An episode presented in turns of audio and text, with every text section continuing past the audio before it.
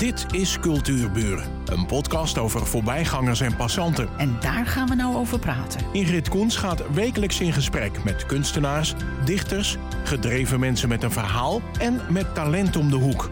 Vandaag gaat ze in gesprek met Sjoerd van Berkel. Ik las ergens, ik ben Sjoerd van Berkel en ik ben oorspronkelijk tekstdichter. Maar hij is ook schrijver van teksten en verhalen, cabaretier, dichter, schilder, hobbyarcheoloog en docent aan een multiculturele klas van 15-jarigen in de Bijlmer. Sjoerd, wat vergeet ik? Eh, niks. Ik denk dat dat eh, helemaal goed is. En ik ben ook nog eh, al een goede vader, hoop ik, thuis. Een goede dat- echtgenoot. Moeten we ook niet vergeten. Nee, dat is waar. Ja. Dat, dat, ja, ik keek eventjes eh, anders. Eh, nou, je, je hebt zo'n staat van dienst. Je bent echt een duizendpoot. Een Mhm. culturele duizendpoot. Maar wat wilde je nou worden toen je klein was? Wat wilde ik worden toen ik klein was? Ehm, ik denk dat ik eh, graag journalist wilde worden. Toen al. Ja, En hoe is dat verder gegaan? nou in die tijd heb ik me paar keer aangemeld voor volgens mij de enige opleiding die er was in Nederland. Ergens in Utrecht. School voor de journalistiek. En werd ik een aantal keren uitgeloot. Er was veel te veel belangstelling. Dus toen heb ik gekozen voor een studie Nederlands aan de universiteit. Is nooit weg. Nee, dat was nooit weg. Nee, daarom. Goed begin. Ja. Maar hoe oud was je toen? Toen was ik denk ik een jaar of 19. 18, 19. Dus jij wist eigenlijk al heel snel dat je iets ging doen met taal. Ja, Wat deed je er toen naast? Want ik kan me voorstellen, we- we- ik roep het altijd Fruit Company, maar het heette toch Fruit Company of niet? ja mag allebei. Het werd allebei gebruikt, ja. Eh, eh, deed je dat er toen al bij?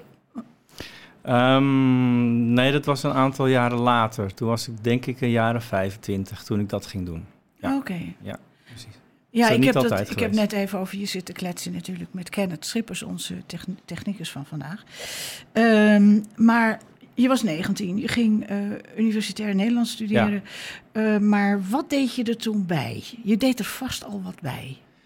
Eh, nou, ik ben in ieder geval de middelbare school, zoals iedereen begon met de schoolkrant te schrijven, bij elkaar schrijven en plakken.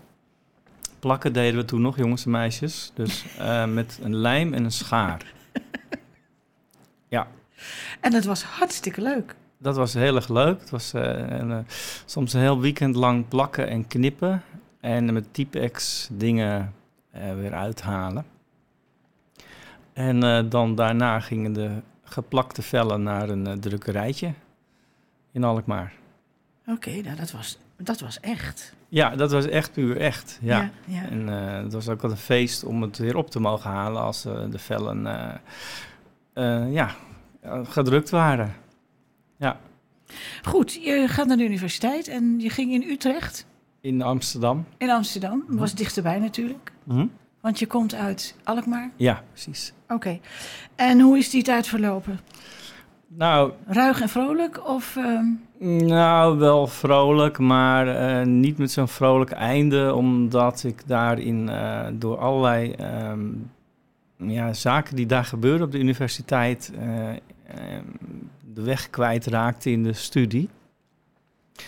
Op dat moment, en net op dat moment dat ik ging studeren, ehm, ja, ehm, verdween een hele generatie ehm, studenten en, en hoogleraren die eigenlijk eh, ja, daar heel lang studeerde.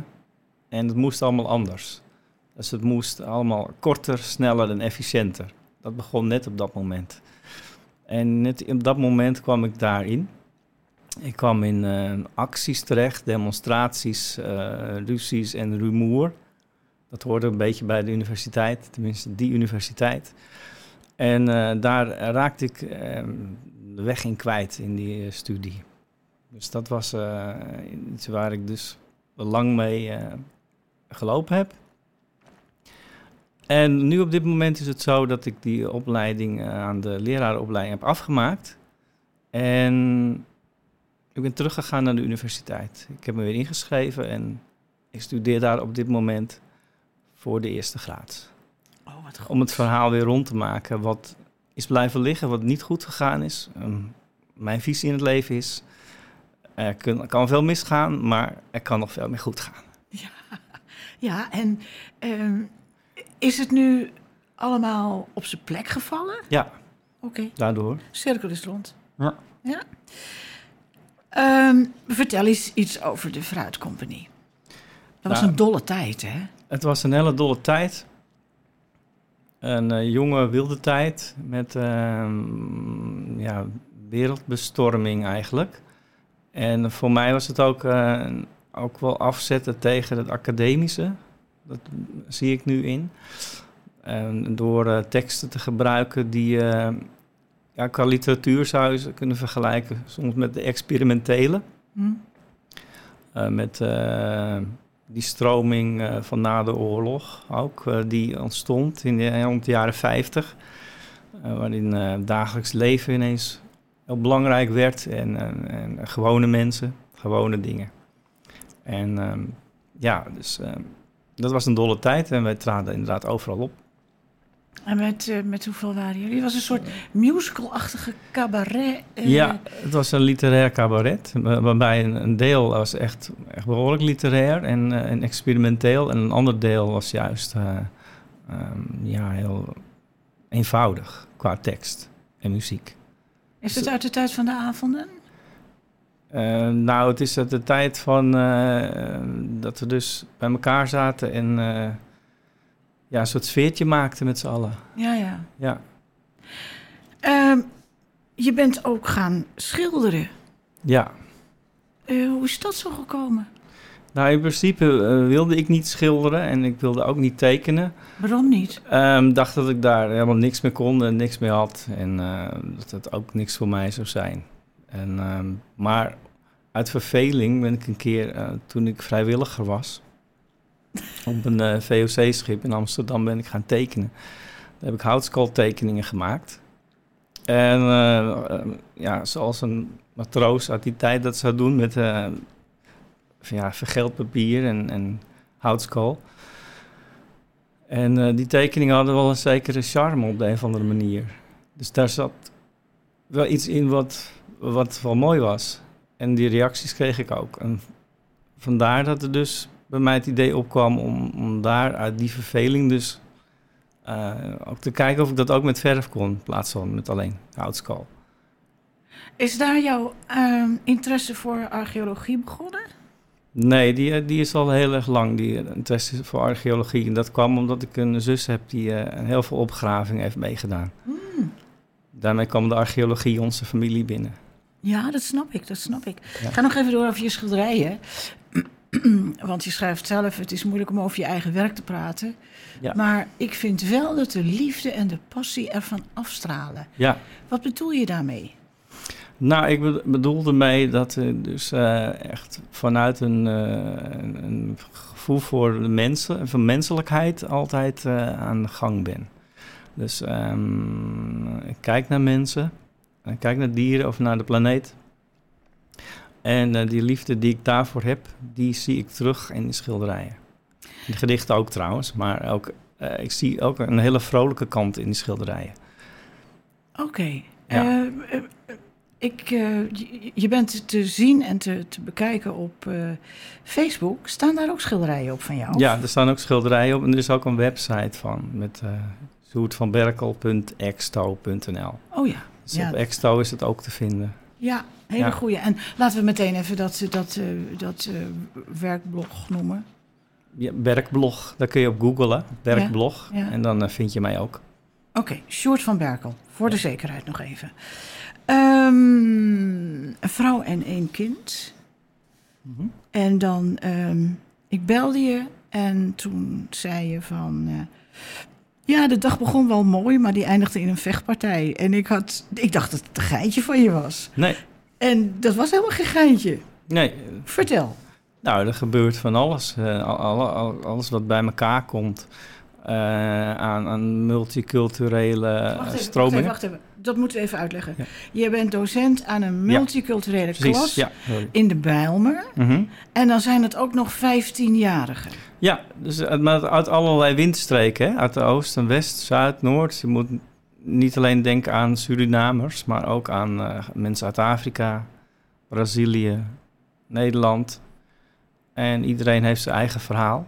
En soms als verhalen bij elkaar komen, dan kunnen er botsingen ontstaan. En eh, die kunnen soms uit de hand lopen. Geef je daar Nederlands? Ja. En slaat dat een beetje aan? Ja, ik denk het wel. Ehm het hangt er vanaf hoe je het aanpakt. En eh, wij hebben een speciale methode voor Nederlands, die niet veel meer lijkt op wat mensen denken bij het vak Nederlands. Leg dat eens uit. Nou, het gaat uit van verhalen. Er is in een serie les altijd een verhaal.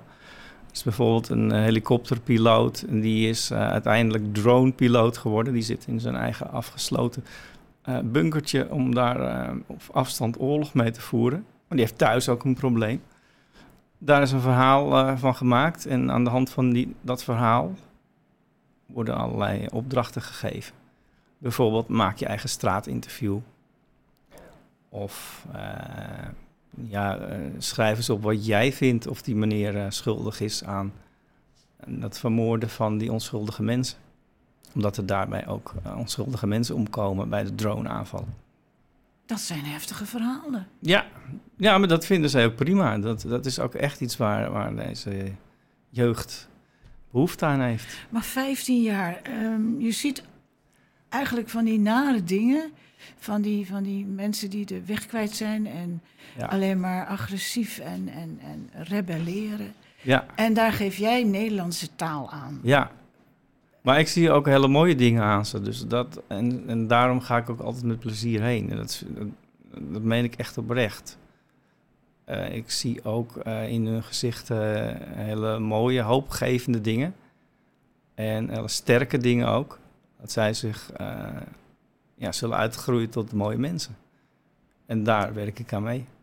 Maar kun je dat iets specificeren? Want je hebt, ik sprak je ne- net na een vechtpartij. Ja, maar dat, dat hoort er ook bij, bij het proces van, van leren. En eh, met elkaar eh, ja, opgroeien. Dan horen er ook dingen bij die minder leuk zijn. En die bespreken we dan één op één met die eh, jongens. Oh, dat doen jullie één op één. Ja, dan wordt het één op één met ze gesproken. En daarna eh, kunnen ze weer samen de les volgen. Dus je bent eigenlijk ook een beetje een psycholoog. Hele grote psy- psychologie is het grootste deel van, het- van het werk. Je moet ook precies inschatten welk tijdstip van de dag eh, geven we deze les. Moet het niet een beetje aangepast worden? Moet het sneller? Moet ik iets meer voor deze leerling doen of iets minder voor die leerling? Het is heel ingewikkeld. Het is het ingewikkeldste beroep op aarde. Hoeveel leerlingen heb je in je klas? Ik heb ongeveer twintig. Oké, maar wat bedoel je met de tijd van de dag? Nou, dat kan verschillen. Je moet gevoelsmatig moet je aanvoelen van... hé, hey, het regent nu, ze hebben gymles, we zijn door die regen gekomen. Of hé, hey, de zon schijnt, dat geeft een andere energie. Dat geeft een andere dynamiek. Het tijdstip van de dag, dat moet je aanvoelen. Bizar. Ja, dat vind ik echt geweldig. Ja, En, en Nederlandse taal, al- je kan het niet alleen met verhalen doen. Hoe zit het met gedichten? Denk je dat je, kom je naar binnen? Ja, gedichten vinden ze heel mooi. En met, met gedichten kan je ze heel goed bereiken. Ehm, maar dan moet je het goede gedicht eh, hebben. Hm? En eh, een rap kan heel goed werken. Doe je Met dat wel eens? Ik heb een rap voor ze gemaakt, twee zelfs. En die heb ik ook opgehangen in het lokaal. Ehm, dat werkt heel goed. Je kan ook meteen dan de enorme afstand tussen mij en in, 53-jarige in mijn witte bubbel... eh, die kloof eh, zien te overbruggen naar iemand uit een multiculturele wijk van 15 jaar. Dat is een hele grote afstand. En toen heb ik een rap gemaakt en daarmee kon ik dichterbij komen. En heb je die toevallig bij je? Die heb ik niet bij me. Oh. Ik heb al andere dingen bij me. maar- Ja, oké. Zou je iets voor willen lezen? Want nou ben ik natuurlijk wel heel erg benieuwd. Wat je ook bij wijze van spreken aan je leerlingen zou voorlezen. Of misschien al hebt voorgelezen. Ja, ik heb dit nog niet voorgelezen, maar dit, dit zouden ze wel kunnen begrijpen. Een eh, gedichtje waarbij ik op een gesloopt station sta. Dat zijn dingen die ze wel kunnen begrijpen. Ik zal hem voorlezen. Even kijken, perron 1, dat gaat over station Alkmaar-Noord, dat inmiddels gesloopt is. Hier nam ik afscheid van jou op het perron. Het was een zachte avond in de late zomerzon. Laatste seizoen, langs je wang een traan. En schrijf je wel, je zei, hij komt eraan. De Intercity nam je mee en ik zag je nooit meer. De fluit klonk om half twee. Dat was hier ongeveer. Dit station is nu gesloopt, maar niet mijn hoop, Desiree. Stap uit en kus me in het puin van perron 2. En het sluit zijn van de trein, het rode licht wordt langzaam vaag. Ik ben gelukkig zonder jou. Ik ben heel dom gelukkig op een ingestorte halte vandaag. Mooi. Zouden we in de klas kunnen doen, denk ik. Ja. Heel visueel. Visueel, Ja. ritmisch. En, maar ze kunnen zelf ook heel goed dicht hoor. Dat kunnen ze heel goed op die leeftijd. Ze zijn heel creatief. En je hebt alleen één ding tegen, dat is de groepsdruk. Oh, de ja, de groep, iedereen kijkt naar elkaar van, oh, wat ben jij aan het doen? Oh, je bent een gedicht aan het maken. Maar thuis worden er heel veel gedichten gemaakt. Wat leuk. Maar ja, die komen dan niet in de openbaarheid natuurlijk. Nee, nee, Maar nee. ik weet dat het zo niet. is. Ja, ja, ja, ja. Ja. Dat geeft mij toch weer een, een, een, een, enorme sprank hoop naar een, een jeugd die er ook is. Naast al die rebellen waar we eigenlijk... Ja, die staan op de voorpagina's. En, die eh, staan op de voorpagina's, ja. Dit is een heel mooi verhaal, Sjoerd. Ehm, kom op, we gaan verder. Ja, De archeologie, vertel. Als je zijn Facebookpagina opent, dan, ehm, dan staat daar een foto van een oud handschrift. Ik heb nog niet precies gezien welk jaar dat is, maar dat vertelt hij me direct. En de eerste zin is: Het is me eindelijk gelukt om de archeologi- archeologische versie van dit oude verhaal te, be- te bewerken. ja. Op de foto zie je een doodvonnis van een man, Mhm. IJsbrand Nobel uit Alkmaar, die besloot piraat te worden. En hij werd gepakt. Ja, hij werd gepakt inderdaad. En eh, nou, de archeologie, wat ik al vertelde, kwam onze familie binnen door mijn zus. Die ging graven. Die heeft onder andere gegraven in de Grote Kerk in Alkmaar toen de tijd. En eh, ze heeft in eh, Nijmegen gegraven. Daar heeft ze zelfs een Romeinse ring gevonden, een gem. En zo kwam het eh, in, eh, in de familie. Eh, zij ging bij Badu Henna vrijwilligerswerk doen. Dat is een, een vereniging die is opgericht voor archeologie in Heilo. Nog niet zo heel lang, maar daar is ze dus terecht gekomen. Wat En leuk dat en- we dat hier gewoon maar in Hello hebben. Ja, in Heilo hebben we dat. We hebben in Kastikum het Huis van Hilde, ook archeologie. Daar ben ik geweest. Geweldig. maar Badu Henna is ook heel leuk om naartoe te gaan. En daar kan je op zaterdag, geloof ik, na tweeën kan je daar eens even binnenlopen. Ik zit nu ook reclame te maken, maar dat is niet zo erg, want het is allemaal cultuur. kunst cultuur en cultuur. cultuur, Hey, maar- en het. Dat hè? laatste wat je noemde, heb je daar een adres bij? Ja, dat zit in het oude ziekenhuis, het psychiatrische ziekenhuis. Als je het poortje doorgaat, trap je naar beneden. En dan ben je er. Oké, nou dat moet eh, iedere streekgedood kunnen vinden. Ga Dat door. weet ik zeker. Ga door, ga door. Ga door Nou, met nou. eh, IJsbrand Nobel. Ja, nou, eh, die vereniging die, eh, eh, die verzamelt ook verhalen. En een van de verhalen die rondgaan, die komen bij Eikelenberg vandaan. Dat is een geschiedkundige uit 1700, meen ik. En die had een verhaal van een tuinman gehoord in die tijd over een, iemand die bij de kaapvaarders was gegaan. Dat waren dus mensen die op zee roofden. Piraten zouden we ze ook kunnen noemen. Ja. En ehm, of we daar dat verhaal, want het was twee A4'tjes, of we dat eh, dan konden uitbreiden. In Oud-Nederlands, hè, als In- ik het zo ken. Ja, dat was eh, Oud-Nederlands. Ehm, nou, de stap die we gezet hebben is eh, dat we naar het Nationaal Archief zijn gegaan in Den Haag. Eh, omdat eh Eikelenberg het erover had dat deze man ja, veroordeeld was. En eh, wij vonden inderdaad het vonnis van het Hof van Holland van deze man. Dat was natuurlijk een hele bijzondere vondst. En daar zie je dus ook die, eh die. De luisteraars zien dat niet, maar... ehm, Even dat, een kwestie kijken. Van vonnis- op Facebook. het vonnis van 400 jaar geleden eh, hebben we gevonden. Het was voor ons nog niet goed leesbaar, dus we zijn eerst mee naar een vereniging in Beverwijk geweest. En die hebben het eh, omgezet in gewoon een Latijnse leesbare letters. Toen konden we dus het verhaal volgen wat hij gedaan had. Dat eh, stemde in wel grotendeels overeen met wat Eikelenberg van zijn tuinman had gehoord. Eh, maar de details waren toch wel hier en daar anders. Was het een boef? Uh, het was een verschrikkelijke boef. Ehm, ja, is, als je aan iemand zou moeten denken van tegenwoordig, zou je aan Willem Holleder moeten denken of zo. Zo, iemand, ja. Zo iemand, ja. Eh, dus hij zal, voordat hij dit, deze acties heeft gedaan, ook wel dingen gedaan hebben in de stad, denk ik. Ik denk niet dat hij hij, was op zes, hij was 36 ongeveer toen hij ging varen. Dus hij was al vrij oud Ja, ja. voor die tijd. Misschien ging je wel varen om te vluchten. Eh, nee, dat denk ik niet. Ik denk dat hij echt op weg was om eh, nog een grote slag te slaan. Oké. Ehm, heb je ook iets gevonden over zijn handel en wandel? Ja, in het vonnis staat in grote lijnen. Wat weet je wat erin stond? Ja, hij heeft eh, ehm, in ieder geval op zee eh, twee haringvissers beroofd. Ehm, en eh, hij heeft daarna een koopvaardijschip beroofd. Zo, dat was groot. Ja, en daarna is hij, was het nog niet genoeg. Toen kwam hij op het idee om de landheer van, van Herugewaard, notabene, dus, eh, daar zitten we goed hier bij de radio. ja. En die heette Bardes. Hij noemt zichzelf op zijn Latijn Bardesius. Eh, om die te gaan kidnappen. Net Oh. zoals Heineken eigenlijk. Hè? ja, en toen? En hij wist waar eh, deze landheer woonde. Die woonde namelijk op de plek waar nu dat ziekenhuis is waar ik het net over had. Die had daar namelijk een buiten. Dat had zijn, eh, al, zijn grootvader gebouwd. En hij was de kleinzoon en liet het nog verbouwen. Maar elke dag reed hij van het hofje van Sonoy naar eh, ongeveer om een uur vijf naar dat buiten in Heilo. En eh, deze schurk was daarvan op de hoogte. Meerde met zijn kornuiten aan bij Egmond. Ging het strand op. Ging naar dat huis. Klopte daar op de deur, staat in het eh, verslag. Ik denk dat het kloppen, dat je dat wat grover moet zien. Ja.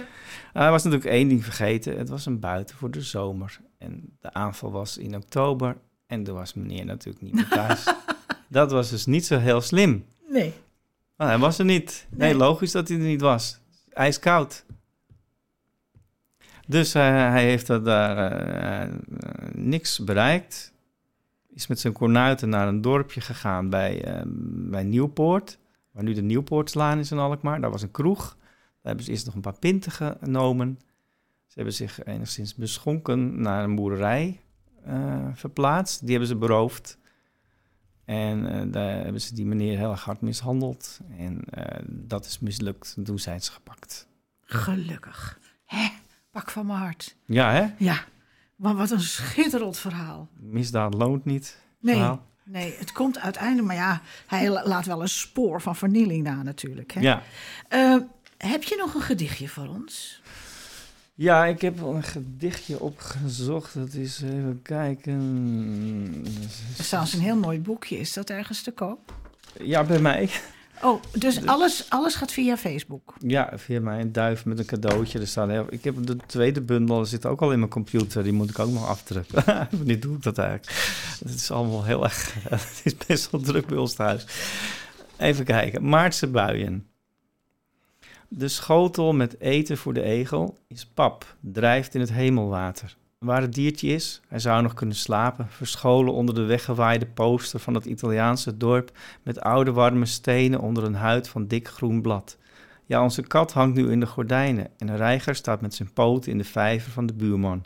Waar je ook kijkt, altijd is er natuur, ook aan het einde van de regenboog die winter slaapt. Nou. Prachtig. Vond ik ook wel een Ja, korte, ook weer heel duidelijk- visueel. duidelijk, en, ja. hartstikke leuk. Eh, ik zou zeggen, ik vond het ontzettend leuk dat je er was. Als u meer wil weten van Sjoerd van Berkel, dan zou ik aanraden om naar Facebook te gaan. U vindt hem onder S van Berkel. En eh, als u iets meer over zijn boekjes wil weten, nou, hij heeft genoeg te bieden. Ja, Leuk dat je er was. Ik wens je heel veel creativiteit. En ik hoop je graag nog een keer terug te zien. ja, dat hoop ik ook. Ik vond het heel een aangenaam gesprek en eh, wat mij betreft kom, kom ik nog een keer terug Oké, om verder te praten. Kenneth Schippers, bedankt voor je techniek. Dit was Cultuurburen, een podcast van Ingrid Koens en Streekstad Centraal. Bedankt voor de aandacht en tot de volgende Cultuurburen.